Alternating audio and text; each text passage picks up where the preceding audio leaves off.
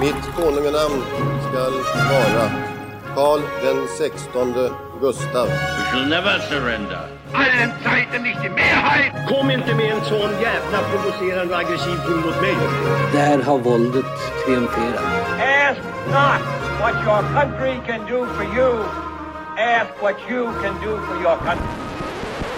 Ska vi verkligen öppna en till flaska?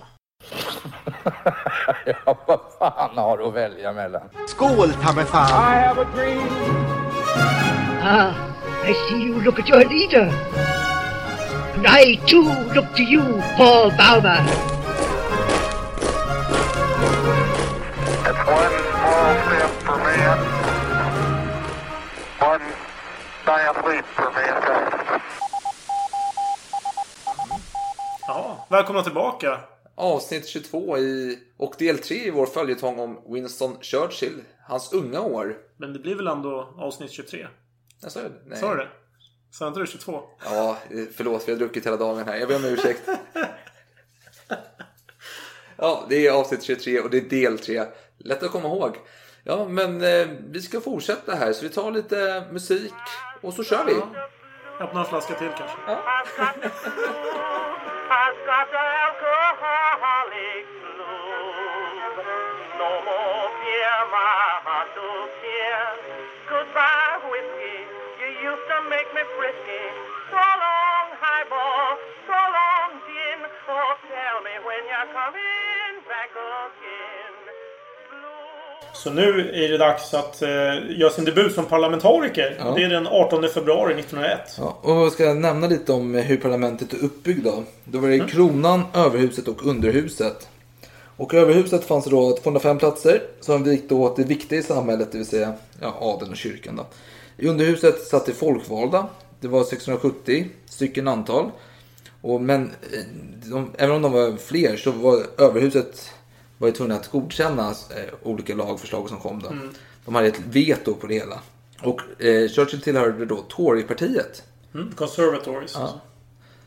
Ja, han var Just det. konservativ. Precis som sin Och eh, den stora motståndaren är Liberalerna den här tiden. Det är Ja. inte vad heter det, Labour som kom Nej, nej, senare. nej. Så den 18 februari var det dags för Winstons första tal som var 30 minuter långt. Mm. Och det handlar om boerkrig såklart. Ja, annars. Eh, och då han kommenterade det hela som att det var fruktansvärt spännande med underbar upplevelse. Mm. Och eh, han förordade mildare villkor mot boerna. Mm. Vilket är lite förvånande med tanke på att han har hetsat så mycket tidigare. Men han skrev, eller han sa bland annat det här då. Om jag hade varit boer hade jag förhoppningsvis kämpat på slagfältet. Ja. Och eh, folk blev lite förvånade över detta. Liksom jag nu då. Men hans tal uppskattades. Och eh, Churchill, eller Winston, säger då att det blev en lång eftersits i underhusets bar. Man använde de vanliga botemedlen. Mm. Och jag satt i en behaglig dvala tills jag återhämtat krafter nog för att gå hem. Vad är de vanliga botemedlen tror du?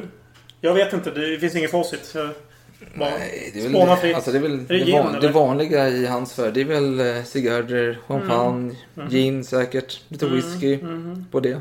Och då kan man tänka, alltså jag har en liten här Beatrice Webb då som var en feminist och socialist. Beskrev ju Winston på ett ganska roligt sätt tycker jag. Under den här tiden. Just det, det var 1903 va? Ja. Det är det du tänker på? Ja. Rastlöst, egoistisk, dryg, ytlig och reaktionär. Men med viss personlig magnetism, stort mod och en viss eh, originalitet. Inte med avseende på intellektet utan på karaktären.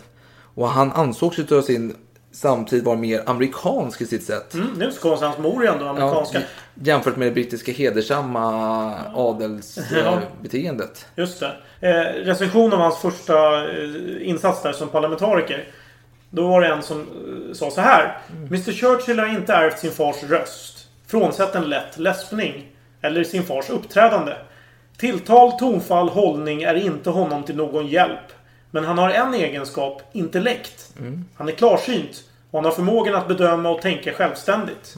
Så det är intressant. Bara, alltså, jag tänker nu i början av hans karriär. Det här är en recension då. Av honom. Och eh, innan då den här feministen uttalade sig så han även börjat skriva på en biografi över sin far. Den är Ja, över jo. tusen sidor. Och enligt eh, författaren Bengt eh, Liljegren så för en nutida läsare ter den sig dock ohemult lång och generande okritisk.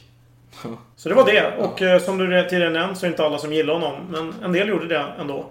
Vi hoppar vidare till 1904 föreslår jag. Ja, för Winston, jämfört med sitt parti så var han för frihandel.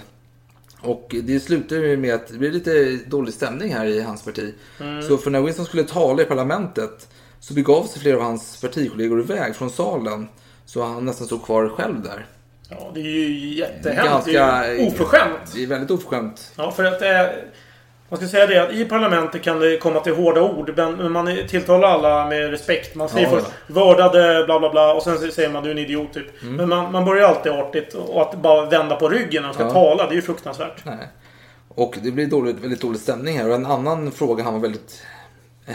hade varmt om hjärtat var allmän rösträtt för män och ej kvinnor. Och progressiv beskattning var han för också. Samt insatser och reformer som slog väl mot de mest behövande. Men kyrkan var han inte speciellt förtjust i. Vilket gick emot också det konservativa Mm. ledet.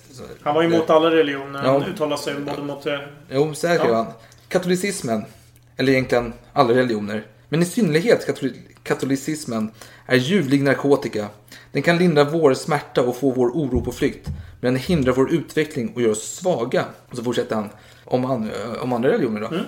Hur avskyvärda är inte det gissel som islam pålägger sina utövare? Lättsinniga vanor, slarvigt jordbrukssystem, tröga handelsmetoder och osäker äganderätt finns överallt där profetens anhängare regerar eller lever. Enskilda muslimer kan uppvisa utmärkta egenskaper. Tusentals blir drottningens modiga och lojala soldater och offrar sig vi- villigt. Men under religionens inflytande lamslås hela samhällets utveckling. Det finns ingen mer bakåtsträvande kraft i världen. Men en religion klarar sig undan. Han värnar väldigt mycket om judar och väldigt positivt ställd till dem, vilket inte alla är under den tiden. Nej. Och det finns ju en, eh, som, eh, en person som eh, kommenterade det hela då, en britt då, i en biografi om Churchill efter hans död då, och där han uttryckte sig så här. Inte ens Winston var felfri. Han var alltför förtjust i judar. Ja, så det, ja, det är väldigt talande för den synen på den tiden. Jo, Att- men jag kan... Jag, jag vill bara flika in att han har ju ändå en eh, kontakt med familjen Rothschild sedan några år tillbaka. Så han har ju en del kontakter. Mm. De avskrev ju Just- pappans skuld när han dog också. Ja, där kan man fundera kring hur, hur det gick till och sådär. Så att han har ju vissa Jo, eh, influenser kan man Jo, säga. men han var ju väldigt stor motståndare till antisemitism och Jo, han visst. blev väldigt berörd av Dreyfusaffären då på 1890-talet Just det. i Men det intressanta är just att kritisera andra religioner. För det har Mm. ingenting med religion att göra kan tycka. Just den här Nej. Dreyfusaffären och allt vad det kan vara. Nej, det, alltså, nej, det är mer hat mot eh, enskilda utövare. Jo, inte religion i sig. Nej, nej. Fast Men- de... Ja, Ja, ja, strunt samma. Men sen då, i maj 1904, så hände något väldigt stort. Han gick in i parlamentet, ställde sig framför talmannen, bugade. Men istället för att gå till de konservativa. Mm. Ja, han kastade en hastig blick åt båda sidor av kammaren. Ja, Han men, kastade först mot konservativa. Och sen mot den andra oppositionen. Sen gick han med bestämda steg. Och satte sig bland liberalerna. ja, det var ett hån. Han ansågs som en klassförrädare för- enligt adeln. Och de kallade honom för råttan från eh, Blenheim. Det var ju starka ord här. Ja, och eh, om vi nu ska börja tala om hans tid här eh, som parlamentariker. Och hur han eh, agerade som talare. Så han talade aldrig fritt ur minnet när han höll tal. Jo, i början gjorde han det. Ja, det gjorde han. I början av sin karriär. Då, han tappade bort sig. Då, då han först så skrev han ner talet ord för ord och sen lärde han sig utan till. Men sen var det en incident där den 22 april 1904. Ja, ja. Och, då, då, och det, då bara stod han där och hade ingenting att säga och det var jättepinsamt. Ja. Så han fick överge det här och eh, därefter hade han alltid med sig anteckningar. Men det var ju fortfarande, han körde ju bara från skrift. Men han älskar ändå politik. Han skrev så här. I krig kan man bara bli dödad en gång. Men i politiken kan ju dö om och om igen. Är det en tolkning att han älskar det? Ja, han jämför i alla fall med krig. Ja, han älskar det. Han tycker ju, han, och han har ju minnen från när han var liten och såg sin far där i Mm. parlamentet och hade hetsiga debatter. Och så var det någon lirare, de var väldigt arga på varandra och skrek. Och sen kom den där motståndare upp till Churchill och eller Winston då, och Ja. bara frågade vad tyckte du? Var, Ja, var väldigt bra? älskvärd liksom. Ja. De hade dessförinnan käbblat som arga vildsinta hundar liksom. Och det- eh, Winston är ju väldigt, eh, alltså han är väldigt medveten om att det går snabbt i politiken. Någonting du säger kan användas mot dig senare. Att det är svårt, alltså gör man snedsteg så Mm. Man måste väga sina ord, ja. då kan man vara körd väldigt snabbt. Mm.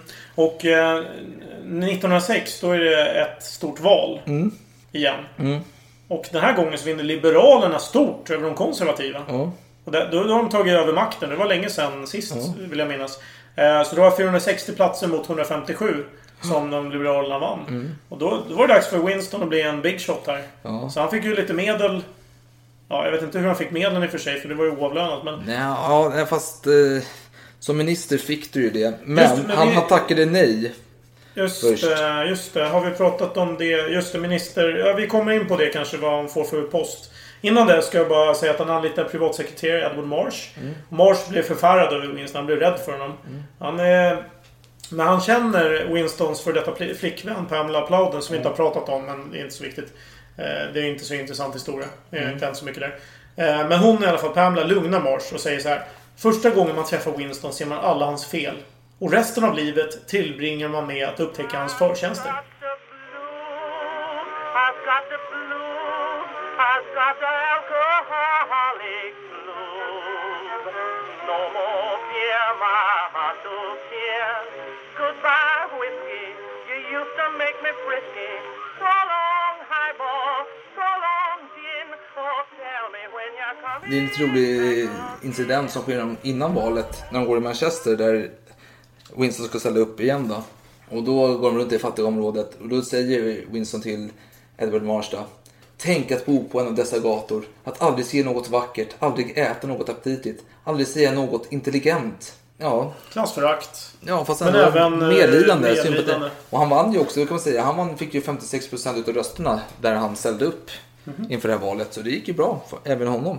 För det var, val, det var inte så här, det är lite krångligt, men han, han blev vald till minister och det var någon slags eh, mindre viktig minister. Och i samband med att han, blev, att han blev utnämnd till minister var han tvungen att ställa upp på ett val som han vann. Jag vet inte riktigt vad konsekvenserna jo. skulle vara om han misslyckats. Ja, nej, nej, precis. Det är det inte heller. Oklart för mig, men... kan också varit lite, det ökar ju risken för att det var lite fulspel med i grejen. Men vem vet. Men jag vill säga, premiärministern tyckte väldigt mycket om Winston. Så han tänkte ge honom en post inom finansdepartementet, vilket är väldigt passande då Winston var usel på matematik. Men Winston lyckades övertala honom att utse honom till biträdande kolonialminister. Och eh, Winston var väldigt flitig i sin nya tjänst. Han tog det på största allvar. Imperialist och allt sånt var han ju väldigt övertygad om. Det var ju en hjärtefråga för honom. Och eh, Storbritanniens roll då som härskare. Men han var väldigt eh, noggrann med att invånare i alla kolonier skulle vara um, rättvist behandlade. Man fick inte köra med dem hur som helst. Och eh, han sa i underhuset då. Vi kommer inte, åtminstone lovar jag det för egen del, att tveka att säga ifrån när det behövs. Om uppenbara fall av grymhet eller exploatering av infödingen för den vita mannens snöda vinning kan påvisas. Och är du kolonialminister eller biträdande, då måste du besöka platser. Det är, det är också ett signum med Winston att han besöker platser som han ansvarar för. Så Winston beger sig iväg då till Afrika. Och när han är där så lyckas han vidga gränserna i Na- Nairobi. Vilket innebar att de fick 150 000 nya undersåtar till det brittiska imperiet. Mm. Han får ju traktamente också. Ja. Kan resa. ska man inte glömma. Han fick också erbjudande att skriva fem artiklar för en tidning, vilket gav honom 750 pund som finansierade resan från honom. Lämpligt. Och han skrev också en bok om resan, Min afrikanska resa. Släpptes 1908 då. Men på hemmaplan så började han intressera sig för det utsatta i samhället. Och han kämpade för att det skulle finnas en minimumlön för de olyckligt eh, lottade människorna. Då.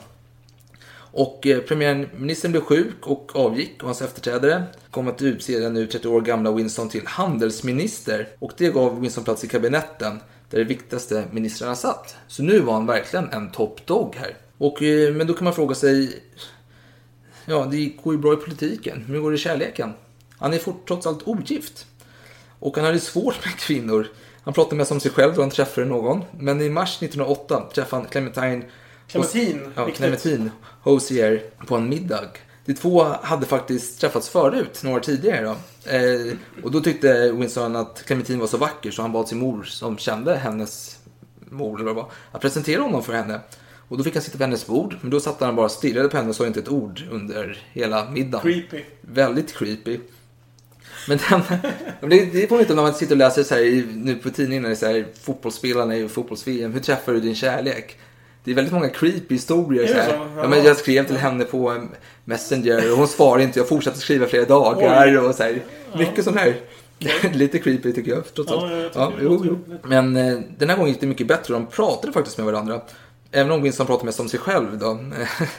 Och frågade henne om hon hade läst hans böcker. Eller framförallt hans bok om hans far. Det var Alltså, Oj, det är klart man läser det. En ungdom läser om en annan det, pappa. det är det som får Winston att gå igång liksom. Om de Ja. har läst hans bok om hans far. Just det. det. det är ändå hans Ja. kärlek till Fast det hans hade de far. inte gjort så då gick jag inte igång Ja, nej, tillräckligt. men, Men, men hon var ju politiskt intresserad. ja, det hjälpte. Och några veckor möttes det igen och då gick det ännu bättre. Men sen eh, var det hans kusin då, eh, Sunny, hertigen av eh, Marlborough. Ja, och han bjöd in eh, henne och Winston till Blenheim där, där Winston hade fötts. Hon kom med Winston dit och dagen därpå så blev hon väldigt sur på Winston. För hon stod där och fixade frukost, men han dök aldrig upp. Just det. Han låg och sov så man fick skicka en betjänt för att väcka honom. Ja. Efter mycket om och men kom han ner då. Men de tog en promenad och det började regna och de sökte skydd under någon säkert, jag misstänker en stor ek. Det låter väldigt romantiskt som det vore en ek. Eh, orangeri, tänker jag. Men jag tänker en stor ek, det är inte så en brittisk ek. Då sitter man så här regnar och vet, man tar skydd där under. Ja. Det känns ja. väldigt romantiskt. Det låter romantiskt, men jag tror ändå ett orangeri. Nej, ja, ja, jo men förstör inte Nej, bilden här. okej, Jag tänker då. en ek för kärlekens Ja, skull här. Och eh, Winston får feeling här ute, så han friar till henne. Och hon svarar ja. Han kommenterar det hela så här då. På Blenheim fattade jag två viktiga beslut. Att bli född och att bli gift. Jag är fullt nöjd med båda besluten. Men det var ju på väg att skita sig där. Jo, hon ville Hon sig fick ju ut. kalla... hon, fick ju kalla fötter. Ja. För hon hade sen tidigare faktiskt nekat eh, någon annans Ja. fri... Eller hon hade godkänt någon och sen hade hon... eh, Ja, Hoppat av. Hon var, vad kallas det? Running bride eller Mm. sådär. Ja, hur som helst, hon var på väg att göra det nu Runaway igen. Bride heter den. Ja, Eh, jo, exakt. ja. Jo, men jag är för Jo, jo. trött och full för att... Ja, i alla fall. Ja. Så hon försökte än en gång. Men då blev hon till såhär, nu får du fan ge det. Nu har du Ja. gjort det en gång. Nu, nu räcker det. Hennes brorsa var på henne och tyckte att herden måste få Ja. råda här. Hon kan inte bete sig så hela tiden. Så hon fann sin... Så hon fann accepterade sig. sin lott där. Och de gifte sig faktiskt i september några veckor senare.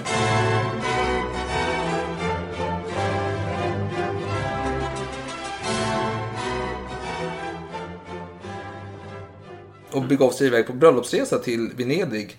Och eh, där satt ju Churchill och Winston och med jobb mycket också. Eh, Skrev och han, han var ändå en viktig toppdag här så han måste ju arbeta även på eh, vet det, smekmånaden. Ja. Men eh, Clementine blev ju snabbt gravid och i juni fick de sitt första barn. Och i England var ju frågan om kvinnlig rösträtt en väldigt het potatis. Och som alla vet så var ju Winston emot det. Han hade inga större tankar om det. Han tyckte inte att de skulle få rösta. Och han blev ju hatsymbol för suffragetterna. Och det kom till möten och störde honom höll på att jävlas. Det var en grupp feminister. Ja. Och vid en järnvägsstation då så blev Winston attackerad av en suffragett och, som kom med en hundpiska. Och han skyddade sig genom att ta tag i hennes hand och de höll på att ramla ner i spåret. Men då kom Clementine och tog, fick tag i honom och lyckades dra upp den här. Då. Några år senare låg ett förslag om kvinnlig rösträtt. Winston var emot förslaget med anledning att det bara gav röstkort åt en person per hushåll och det skulle i praktiken innebära att en prostituerad som gifter sig skulle förlora sin röst. Så det här är en fråga, det är väldigt intressant ställningstagande som han har tycker jag. Bryr han sig om den utsatta i Ja. hans tycke, prostituerade, eller är det bara ett, en förklädnad för att han tycker det är fel? Låter lite som en förklädnad. Det är kanske är en känslig fråga, men han har en stark åsikt. Men Ja. han förklär den i något... Ja. För det är ändå hans image att hjälpa fattiga. Han tänker nog mycket på sin image. Jag, jag, jag kan inte direkt berömma hur han tänkte där. Nej, men för, för han, han säger så här. Jag finner det ett imperium som förmår härska över haven men är ur stånd att rensa sina egna kloaker föga ärorikt. Mm. Och han har ju tidigare gått runt här i slummen i Manchester och beklagat sig över deras situation. Han har ju gjort minimumlöner och sådär. Och nu mot rösträtt är att kvinnan, utsatta kvinnor förlorar sin röst och så vidare när de gifter sig. Så jag vet inte hur mycket som är genuint, hur mycket som är strategiskt. Han är ju väldigt strategisk Han är person. väldigt strategisk. Jag tänker att han influeras säkert av personer runt omkring honom som berättar om Ja. att det här är en stark valfråga just nu. Folk är missnöjda med det här och det här. Ja, men okej, då tar jag till med det. Han känns lite som en... Ja, vad ska man säga? Löfven eller... Ja, någon, nutida politiker. Ja, ja. Men, i alla fall, men han hade en eh, god vän, Lloyd George, som senare blev finansminister. De fick igenom massa förslag här. För att eh, rabbla upp några då. Minimumlöner för icke fackanslutna fick de igenom. De införde även en statlig arbetsförmedling. Och eh, inte nog med det, han slogs mot överhuset och med att få bort deras eh, vetorätt. Vilket han kommer att lyckas med sen. Och eh, han steg i hierarkin och blev inrikesminister med ansvar för rättsväsendet. Mm. Det är intressant för han har ju ändå en bakgrund av att själv vara fängelsekund. Ja, det... Ja, Och han, eh, ja kan man väl säga. Ju, Ja. fångläge- han kände ju stor sympati för de här stackarna som var Jo. fast. Så han såg ju till att de fick böcker att läsa till exempel i Ja, ja, absolut. Men jag tänker att det är lite skillnad på ett fängelse i England jo, kontra jo. hans eh, när han fick sitta i en villa liksom. sin- han hade butler i sitt fängelse. Ja. Så visst. Ja. Och han, han var ju inte otrolig humanist utan han, han lät ju... Han godkände ju ett antal avrättningar till exempel. Det gjorde han ju. jo. Och han kommer ju tycka synd om eh, småbrottslingarna. Så han kommer att frisläppa dem och i efterhand förmildra domarna mot dem. Just det. Över 400 mål. För han bedömde att eh, ofrälse lättare kunde hamna i, få starka straff. Eh, jämfört med adliga. Mm. Precis. Och det tyckte han var orättvist. Bara, Men fan, ska han få fem års fängelse för den här grejen som jag gjorde igår? Liksom? Mm. Nej, det är inte rätt. Nej, så då frikände han. Jag har faktiskt ett citat om det. Mm. Missförhållande drabbar endast arbetarklassens söner. De övriga klassernas söner gör en hel del liknande lagöverträdelser. I ungdomligt övermod och yra under sina stunder i Oxford och Cambridge begår de förseelser utan att behöva lida några obehagliga följder. När arbetarklassens söner gör samma sak döms de till fängelse. Så det är det du sa. Mm. Det är... Han kände lite sympati. Han, tyckte, han fick lite dåligt samvete själv. Bara, fan, ska han få eh, halv, Ska han bli hängd här för det jag gjorde igår? Ja, okej. någonting är ju lite konstigt Ja, kanske. han kom även att fixa rutiner för eh, heter det? isoleringsceller. Då. Mm. Och, och det, fick, eh, det skulle vara konserter också, sånt där nöjesupplevelser på fängelse. Mm. Det var han väldigt mån om. Ja, det är ju inte en populär valfråga. Mm. Varken då eller idag kan jag tänka mig. Nej, Men, men, eh, han vill ha hårdare tag mot kriminaliteten.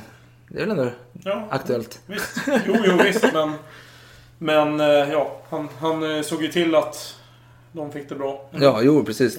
De här små buserna fick det bättre. Ja. Men de andra skulle dit. Ja, okej. Han var ju ändå ganska... Det, kom, det finns lite episoder senare i hans liv som vi kanske inte nämner här då. Men det, det kanske kommer i någon anekdot sen på Kommer Facebook. du in på det sen? Men vi, vi pratade lite om Clementine och jag tänkte komma in lite på det här med hur eh, hon upplevde vardagen, samkväm med... med Mm, vi kommer till det snart. Till det jag snart. bara avsluta detta med Ja. att... Eh, Kör vidare. han, du nämnde det med dödsstraff nyss. Just det. Ja, och han benådade ungefär 21 personer från dödsstraff. Mm. Kungen men, men, hade... men, men, det är inte han som benådar utan han, han ger en rekommendation till kungen. Ja, jo, och kungen hade sista ordet då. Mm. Men trots detta var Winston för dödsstraff. Han tyckte det var en bra metod då. Ja, ja, han godkände ju många också. Och han tyckte också att, eh, att svagsinta inte skulle få skaffa barn. Och han tyckte att de borde sterilisera sig. Ja.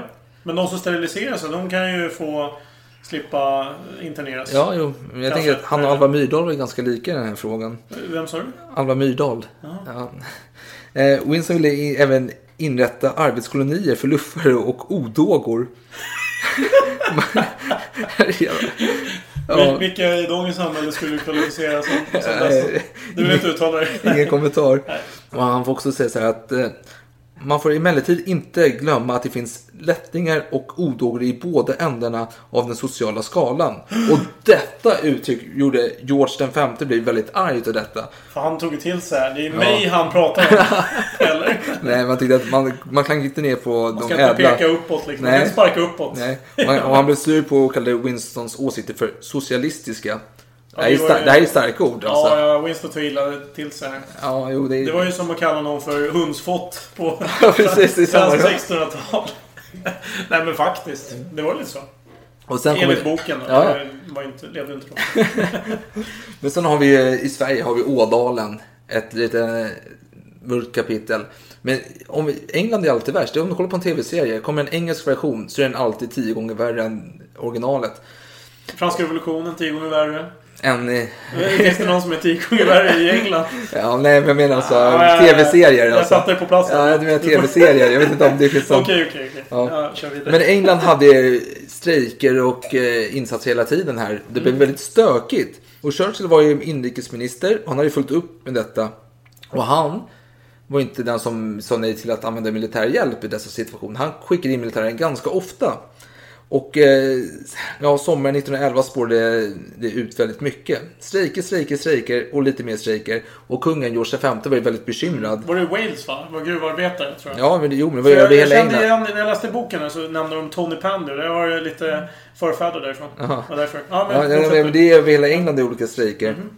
Och eh, som sagt, kung George V var bekymrad. Och han ville inte att Winston skulle skicka in militären. Men Winston, han lyssnade inte och skickade in militären i alla fall. Och det blev lite blodgjutelse här. Fast de hade ingen aktiv roll i liksom, eh, vålds, eh, våld mot de här strejkarna. De hade ju mer passivt. Jo, men, jo, jo, men det var ju ändå några som dog. Det blev några skottlossningar. Var det militärerna som stod för dem? Ja, jo, som jag Döden. förstod det så har de varit Okej. med där. Och, eh, men det var ändå väldigt stökigt. Det var ju uppror, lite, eller inte uppror, men det var ju strejker lite överallt. Mm. Det blev väldigt bökigt och stökigt. Och så finns det en situation här då. Vid Sydney Street, som det går i, i East End.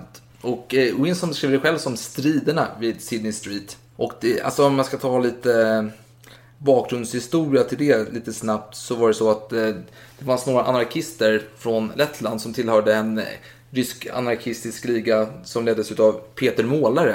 De hade dödat några poliser några dagar innan eh, i ett annat ärende. Men den här dagen i januari då, så låg Winston i badkaret. Då fick han besked om att han måste infinna sig direkt i, på sin arbetsplats. Något hemskt har hänt. Och det är på Sydney Street 100 då. Där de har barrikerat sig, några personer, som var de som hade mördat de här poliserna tidigare. Så eh, Winston åker till kontoret för att reda på vad som händer. Men han får inte tillräckligt mycket uppgifter, så han åker till platsen istället. Toppstyr i Ja. hela operationen. Han är som... Vänta, jag vill komma med en bra referens Ja. här. Han är som Holmer. Hans Holmer i Palmemordet. Vad säger du om det? Ja, det är lite skillnad på deras... eh, Nej, för han är en politiker som eh, styr polisutredningen. Jo, men Så är förtjänstfullt och- i alla fall. Det är Nej, ja, okej, fortsätt. Du får Ja. berätta här så får jag... Ja, jo. Mm. Men, eh, och han åker dit och eh, han beordrar att militären behöver komma dit och hjälpa till. För det är så att de här som har barrikerat sig, de skjuter vilt runt omkring sig från byggnaden åt alla olika håll och kanter. Och det är några som har dött eller blivit skadade och sådär. Så det är ganska allvarligt. Och Winston smider runt i området och hänger lite. Och de har ju nu eh, planer på att eh, storma. Fast ska man storma, det kommer garanterat innebära att vi förlorar några liv här, polisen. Är det värt det? Och Winston, han säger att han har inte befäl på plats egentligen. Men som överordnad till de som har befäl på plats så är han ansvarig för allting. Så han är lite ambivalent där hur han kan styra här. Är han verkligen det? Ja, i inte- Pekar inte bara med hela handen? Nej, men han säger i alla fall att man borde ha en... eh, I efterhand kanske han Han borde ha en sån här järnsköld med sig för att storma så här. Mhm. Och de är upp då att de ska storma. Men innan de ska göra det så börjar det ryka i byggnaden. Det börjar brinna kraftfullt. Och brandkåren kommer till platsen och Winston säger nej, låt det brinna, jag tar på mig ansvaret. Och det var den historien. Eller ska han använda lite fler nyanser i denna berättelse kanske? Jag tycker det. Vi tar fram lite fler målarpenslar. För brandkåren kommer som sagt. Men det är polisen som stoppar dem. För de kan inte garantera säkerheten. För det finns ju fortfarande banditer i huset som skjuter vilt. Men brandkåren i London är stenhårda. Vi har uppgift, vårt uppdrag är att eh, släcka branden om det brinner. Oavsett om det innebär fara för oss. Så de såg och tjafsade polisen och brandchefen här. Och då kommer ju Winston som auktoritet, den här inrikesminister och medlar med de här två och säger att han tar på sig ansvaret och att man ska låta huset brinna. Och sen går de in i huset och upptäcker att det är, är två personer som ligger där ihjälbrända. Då. Så var de dessa skurkar. Och eh, det är svårt att tro, jag vet, det är väldigt svårt att tro. Men det fanns eh, fotografer och journalister på plats. Jaha, så det går att se på nätet alltså? Det går att tänka sig att Churchill är där det finns kameror. Ja, ja nu, nu förstår jag. Ja, ja. Ja. Det är klart att man agerar kraftfullt när, när kamerorna finns på plats. Och det var någon politik som sa att jag förstår vad journalister och fotografer gjorde där. Men jag förstår inte vad vår inrikesminister gjorde där. Vilket Churchill avslutar själv sitt kapitel med om denna historia. Mhm. Så han var väldigt nöjd med den Mm. formuleringen. I din eh, utläggning här så pratar du om någon målare. Det lät väldigt svenskt. Peter Målare. Peter Målare. Ja, det var någon Var det svensk eller? an, an, nej, rysk anarkistisk liga. Peter Målare? Eller? Är det målare med Å? översättningen så är det... Jaha, Peter... Peter eh, Painter. Peter Painter, okej. Men då, då hänger jag med. Ja, All right. Vad trodde du? Nej, jag vet inte. Jag var tvungen att fråga. I alla fall, vi har en klassiker i denna podd. Jag behöver mer öl förresten. Eh, ja, varför inte? Vi tar en liten ölpaus. Ja. Vi kan ta...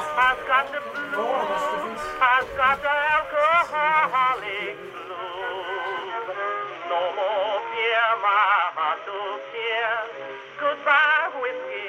You used to make me frisky. Tänkbara omständigheter. Ehm, Ja, ja, nämnde- Inrikesminister, eh, brand, eh, Ja. terroristattentat. Jag, jag tänker vår favoritincident i världshistorien. Agadekrisen 1911. Är det din favorit? Nej, jag, vi snackade Ja, lite om du- den Lätte i Foch Ja, ja, ja. avsnittet där. ja, Första, avsnitt fyra för den som är intresserad att höra om den pumban. Eh, Pumban, det var en kul. Ja, vi, Ja, ja, vi går ingen vidare. förstår den här. Nej, men eh, det var så här att om man ska kortfattat förklara det hela. Fransmännen gick in i Marocko för att slå ner ett uppror i staden Fes, eller Fes som man nu säger. Tyskarna som vill ha lite områden. Tyskarna är en ganska ny eh, stat då. Mm. Har för lite kolonier. Ja, de vill ha det, men de har blivit nekade. Mm. Och de blir upprörda nu här, för de tänker att nu är fransmännen här och utvidgar sina koloniområden. För de vill ju ha lite del av Kongo här. De har så- ingenting. Nej, så Det är de, orättvist. så de, eh, Det är en växande makt, Ja. Tyskland. ja, så de skickar dit torpedbåtar då. Och nu blir det spänd stämning. Det är nära att bli ett världskrig här. Och eh, Winston då, som har tidigare varit mot, han har velat sänka eh, budget för Försvarsmakten. Men han, ändrar, han ställer sig på andra benet nu och tycker att de borde eh, öka anslagen här kraftigt. Mm. Lite han- som svenska staten idag. Ja, och han har även klart för sig hur man ska kunna agera, eller hur man bör agera strategiskt vid händelser utav krig. Eller en konflikt då. Man skulle först härda ut den första tyska anstormningen. Tyskarna skulle lyckas ta sig till Paris. Men sen efter 40 dagar skulle krigslyckan vända. Tyskarna skulle bli försvagade och England och Ryssland skulle ha kommit till fransmännens försvar. var hans plan. Oj, nu har han tänkt många steg framåt här. Ja. Hur allianserna ser ut och så vidare. Ja. Men sen tidigare så har vi den här trippelantanten. Mm. Det vill säga Storbritannien, Frankrike och Ryssland. Mot den här trippelalliansen. Österrike, Ungern, Ja. Tyskland och vad är det mer? Eh, Vad är den tredje där? Italien. Nå- någon, ja, Italien är det nog kanske. Ja, det kan det vara. Och han lämnade in sina tankar till försvarskommittén. Men de sket i hans åsikter. De bara, "Ah, ja, tack Winston, du Mm. dra. Vi, vi fixar biffen här om det händer någonting. Men någon som lyssnade på Winston var premiärministern Henry Esquith. Jag vet inte om man uttalar namnet. Nej. Nej, men, Nej, jag vet inte. men Henry säger vi då. Ja. Henry. Och han uppskattade Winstons långa utlägg och tankar kring olika situationer. Mm. Och detta resulterade helt enkelt i att den 36-åriga Winston blev utnämnd till marinminister. Wow! Det, Det- är ju det det största som häftigt. någonsin hänt i Ja, Winstons jo. historia. Jag, tror, jag vill minnas att han berättar för om det är någon premiärministers dotter eller någonting att han är helt otroligt exalterad. Ja, han är ja. otroligt glad Han är lyrisk över det hela.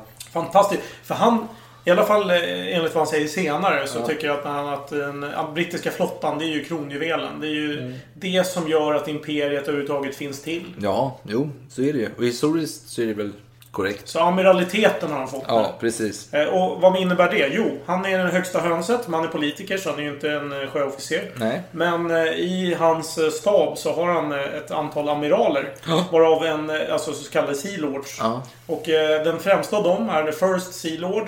Och det är någon som han utser själv. Mm.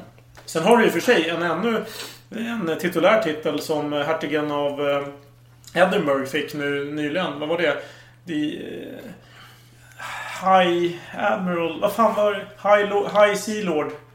Ja. Det finns en ännu finare titel. Nämligen. Ja, ja. Som eh, Elisabeth hade tidigare. Okej. Nej, ja, du verkar inte intresserad. Nej, Okej, nej, jag vet inte. Nej, Nej, jag- nej, ska jag kolla upp det eller ska vi skita i det? Nej, du kolla upp om det finns. Ja, ja,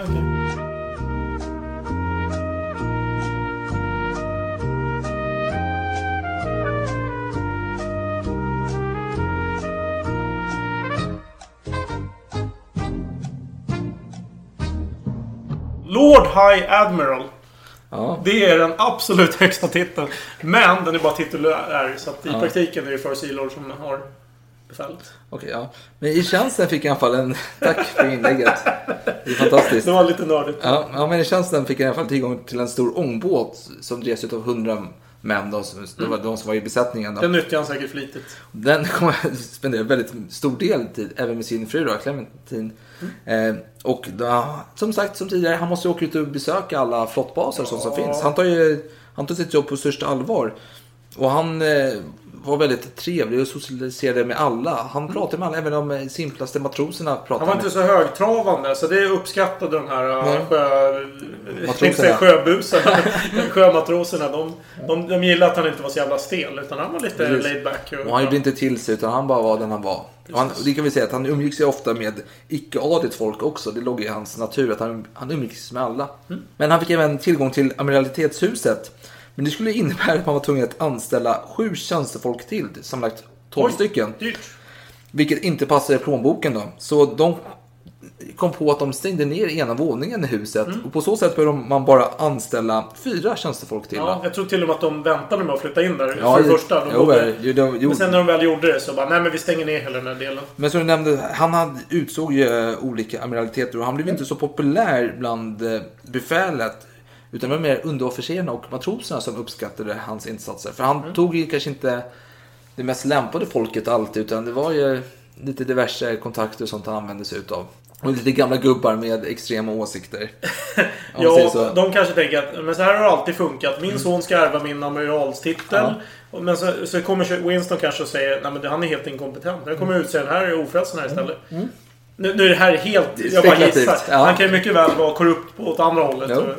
Men, till skillnad från eh, Foch så var, insåg jag Churchill den stora vikten av flygplan. ja, Och han kom ju även... Alltså, tidigt där. Han tog ju kontakt med de här bröderna Wright. Som eh, Ja, precis. Och han, bad, eller han sa åt regeringen att ta kontakt med dem. Mm. Och han instiftade även, eller han grundade Royal Naval Service 1912 då. Och deras uppdrag kommer att bli att skydda hamnar och sånt. Just det. Och sen blev det ju en del av eh, Royal Air Force Ja, precis. Och han eh, förespråkade att man skulle bestycka flygplanen med kulsprutor och sånt vidare. Det var lämpligt Och, och britternas flygvapen blev det främsta i världen. Ja. Och han skulle säga här, eller han sa så här. Nu är våra maskiner bräckliga. En dag kommer det att vara robusta och av värde för vårt land.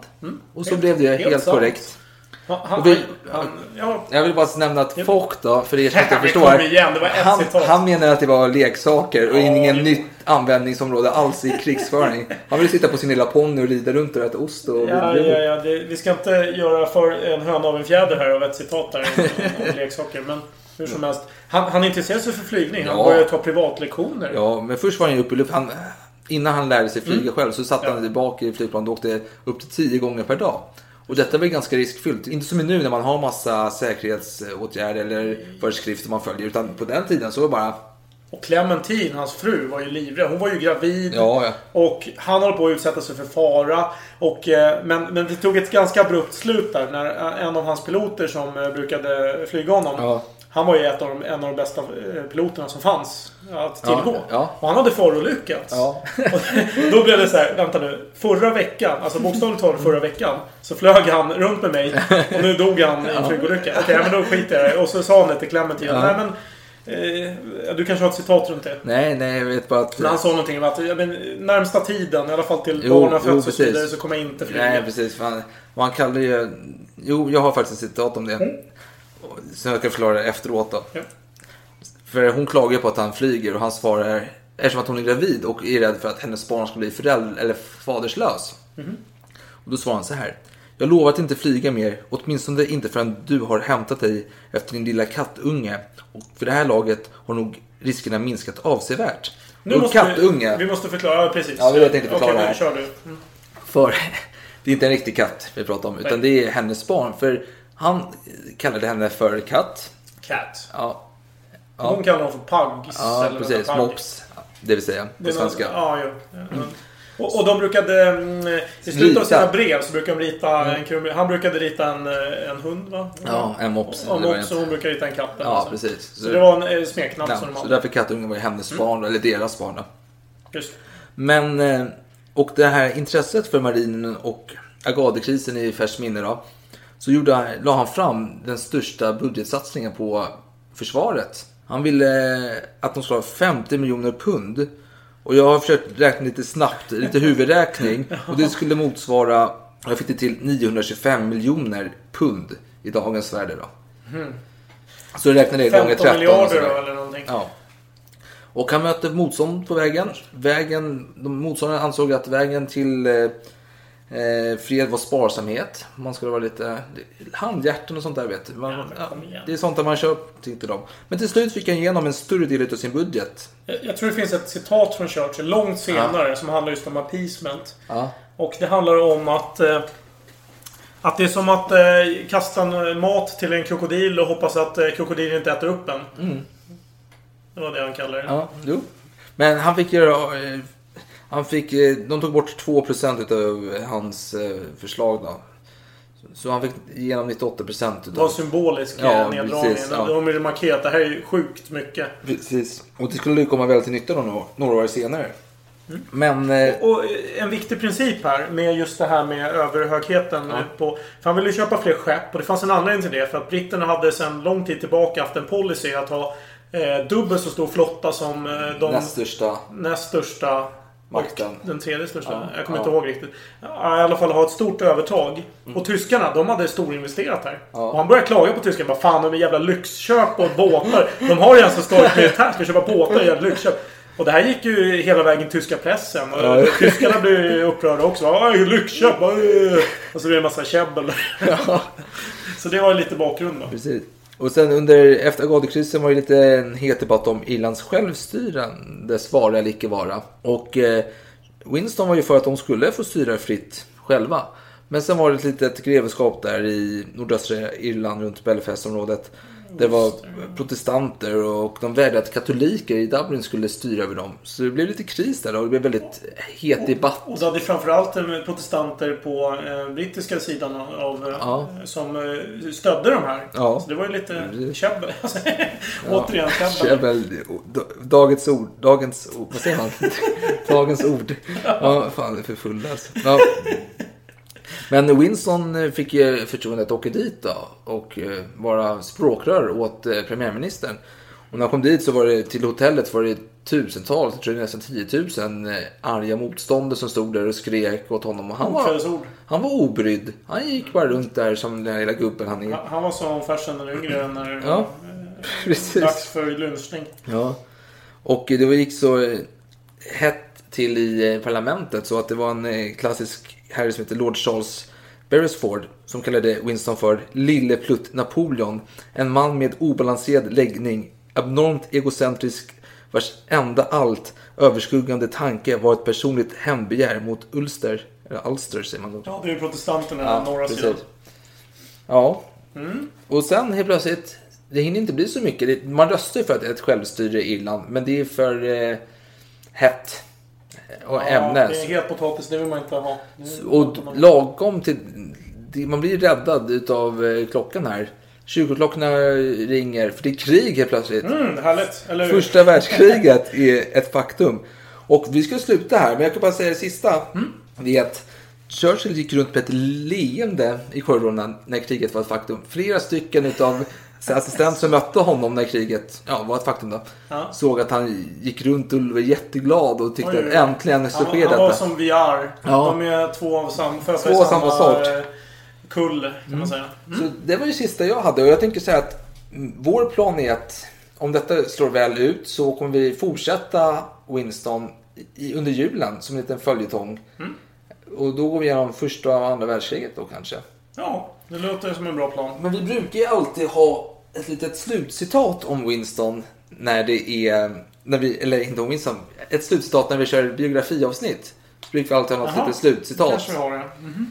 Och jag tänker, jag har inget långt där, men jag har ett litet. Som jag hittade. Som vi- Nej, men det, det är en klassiker då. Ja, varsågod. The stage is yours. Tack, tack, tack. Fast vet du vad, jag tänker, du har en så bra imitationsröst, du Winston, så jag tycker du kan ta Nej, jag det. är skitdålig Winston. Ja. Och det här citatet handlar kanske inte så mycket om Winston, utan mer om eh, vår känsla efter de här avsnitten och vår koppling till champagne. Ja, Ja. bra, väl sagt. Så du får, scenen är din. Vi, vi tar platser här. Ja. Tack. In victory, I deserve it. In defeat, I need it. Tack för oss! Vi hörs. Eh, Vi ska vänta innan vi avslutar. Vi ska ha lite sommarlov nu, du och jag. Precis. Eh, vad ska du göra för någonting? Jag ska sitta på, titta på fotboll väldigt mycket. Ja. Ja, njuta av solen. Kanske läsa på lite. Jo, men läsa den här trevliga boken jag fick av dig. Ja, ja, det ser jag fram emot. Så ska vi nämna att vi upptäckte att det finns en eh, krogföreställning om skytte och drake i Kalmar som vi kanske ska försöka se. Det tycker jag att vi ska försöka. Ja. Eh, och du hade väl en bok av, eh, hur var det nu? Vad hette han nu? En, eh, Lambert va? Som du har att läsa. Nej, jag har massa andra böcker att läsa under sommaren Jaha. om kommande avsnitt här. Och, Okej. ja, det blir spännande. Men vi hörs någon gång på hösten igen och tack för att ni har varit med oss under säsong två utav Salongsberusad historia. Precis. Det här var ju sista avsnittet för den här säsongen. Ja, så Ni, eh, vi finns på Facebook och mail och skriv gärna, gärna någonting om ni har någonting att skriva. Vi uppskattar det alltid. Så vi hörs när mörkret börjar fallna igen. Eller Ajöken. falla igen. Ajöken. Ajöken.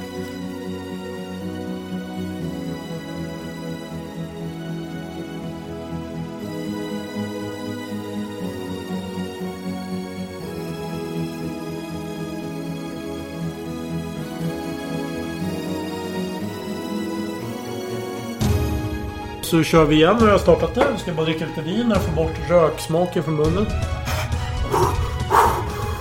Jag, jag, jag har en sak först innan. Så jag skulle ta på förra avsnittet. Men jag tar på detta avsnitt istället. Så. Vill du med? Jag ska släcka lampan. Nej, men sluta nu med det där. Det är för fan sommar. Du får leva med att det är ljust. Nej, nu är det inte ljust. Det är ljust. Ganska mörkt. Jag kan inte se någon anteckning. Det är lagom. Det ska inte stämning. Vad fan. Vi är ändå trots allt. Vi ska snacka om teater här. Vi ska sitta här. Förvisso. Vi sitter med så här rosa moln och så här fluffigt. vad mysigt det är. Kul. Vi ska ha mörkt nedstämt. Jävla mörkt. hotande stämning också kanske. Men jag tänker så här, så här Vi har tråkig ju... Ingmar Bergman-film. Jag vill bara säga det. Vi har ju Melvin, Han är här. a.k.a. Haddock här. Så att den hotande stämningen Vildar gör genom slugning. Va? Jag förstår inte. Vad? Va? Vad är det Håller på att håna mig nu? Jag, jag försöker förstå. Vad, Vad är det du inte förstår? Vadå? Pratar du om eh, kannibaler nu? Eller vad snackar du om? Ja. Va? Jaha? Och det tycker du är normalt? Ja, Alltså, what? Va? Va? Jag ut som Gustav III.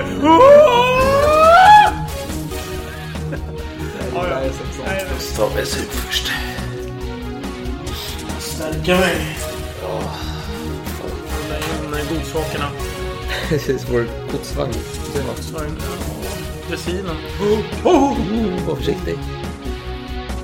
ah, fan! Fel! Du har fel anekdot! Man sa ju det. Nej, jag, Jag sa det. sen! Ja, okej. Låt mig Jag tror du köra- hade glömt det. Nej, Okej, låt ja, mig köra kör. Ja, anekdoten. Ja, Armfelt över Taube. Och sen hade vi- Fersen och Dahlberg. Dahlberg. Och det här borde jag veta. Nu börjar jag bli jävligt orolig här. Ja, om du var uppmärksam Ja. när vi spelade in avsnitt två så borde du veta. Sätt- sätt dig ner. Mer öl. Uff, men det finns inte mer öl. Eller kan kolla. Och Adrian gav honom order att lägga ner vapen på arabiska. Vilken den mannen gjorde då liksom. En italienare som lyssnar till Men det här arabiska. är alltså Nordafrika de är i. Okej, fast Ja. han hade italiensk uniform. Ja men det var italienarna var ju i Nordafrika. Fan, jag är för nykter så jag går inte. Vänta, vänta, vänta. Var var vi någonstans? Napoleon, baguetter, ja. Nu är nu har jag tur att dricka medan du snackar så det är bra. Intonaco. Det är bra, fick vi lite tekniskt. Det roliga, det roliga är att jag hade en freskomålare på avsnittet när de liksom bara stuck ur sig ögonen. Vad är jag för jävla idiot? Två timmar och tolv minuter. Hade vi någon avslutning? Jag, jag kände, jag, jag får alltid dåligt samvete. Jag har missat jättemycket. Men det känns som att det här får bli avsnittet som beräcker alla andra avsnitt. Va? Hur menar du då? Jag skiter i hur långt det här avsnittet blir. Om det blir 1.50 så är det 1.50. Vad fan ge Pompadour ändå. Hon gick ändå dit och klappade hans eh, mindre trevliga ansikte när han låg där dödssjuk. Fan, den här stenen var ju så jävla trevlig va? Som jag hade tänkt va? Men för fan, vi skiter i det här va? Äh, det är inte okej. Det kan man inte säga. Det är, då kan folk bli arga. det, var, det, var det, det var det jag menade. Förlåt, din liknelse är fantastisk. Ja, jag är tillbaka från en längre semester. Det var, det var fantastiskt härligt. Vad är problemet? Va? Narcissister. Hur fan kan du tycka att det här är Nej, det var inte jävla gott nu. Nej, det var inte gott var alls. Inte gott. Jag, jag tar tillbaka. jag dementerar. Men det här var ju en rolig anekdot som vi sket i. Hans modeller var uteslutande män. Och den där feta gamla gubben med kul mage. Med hängande skinkor. det hade varit kul att säga. Ja, men det missade vi. Ur svenska hjärtans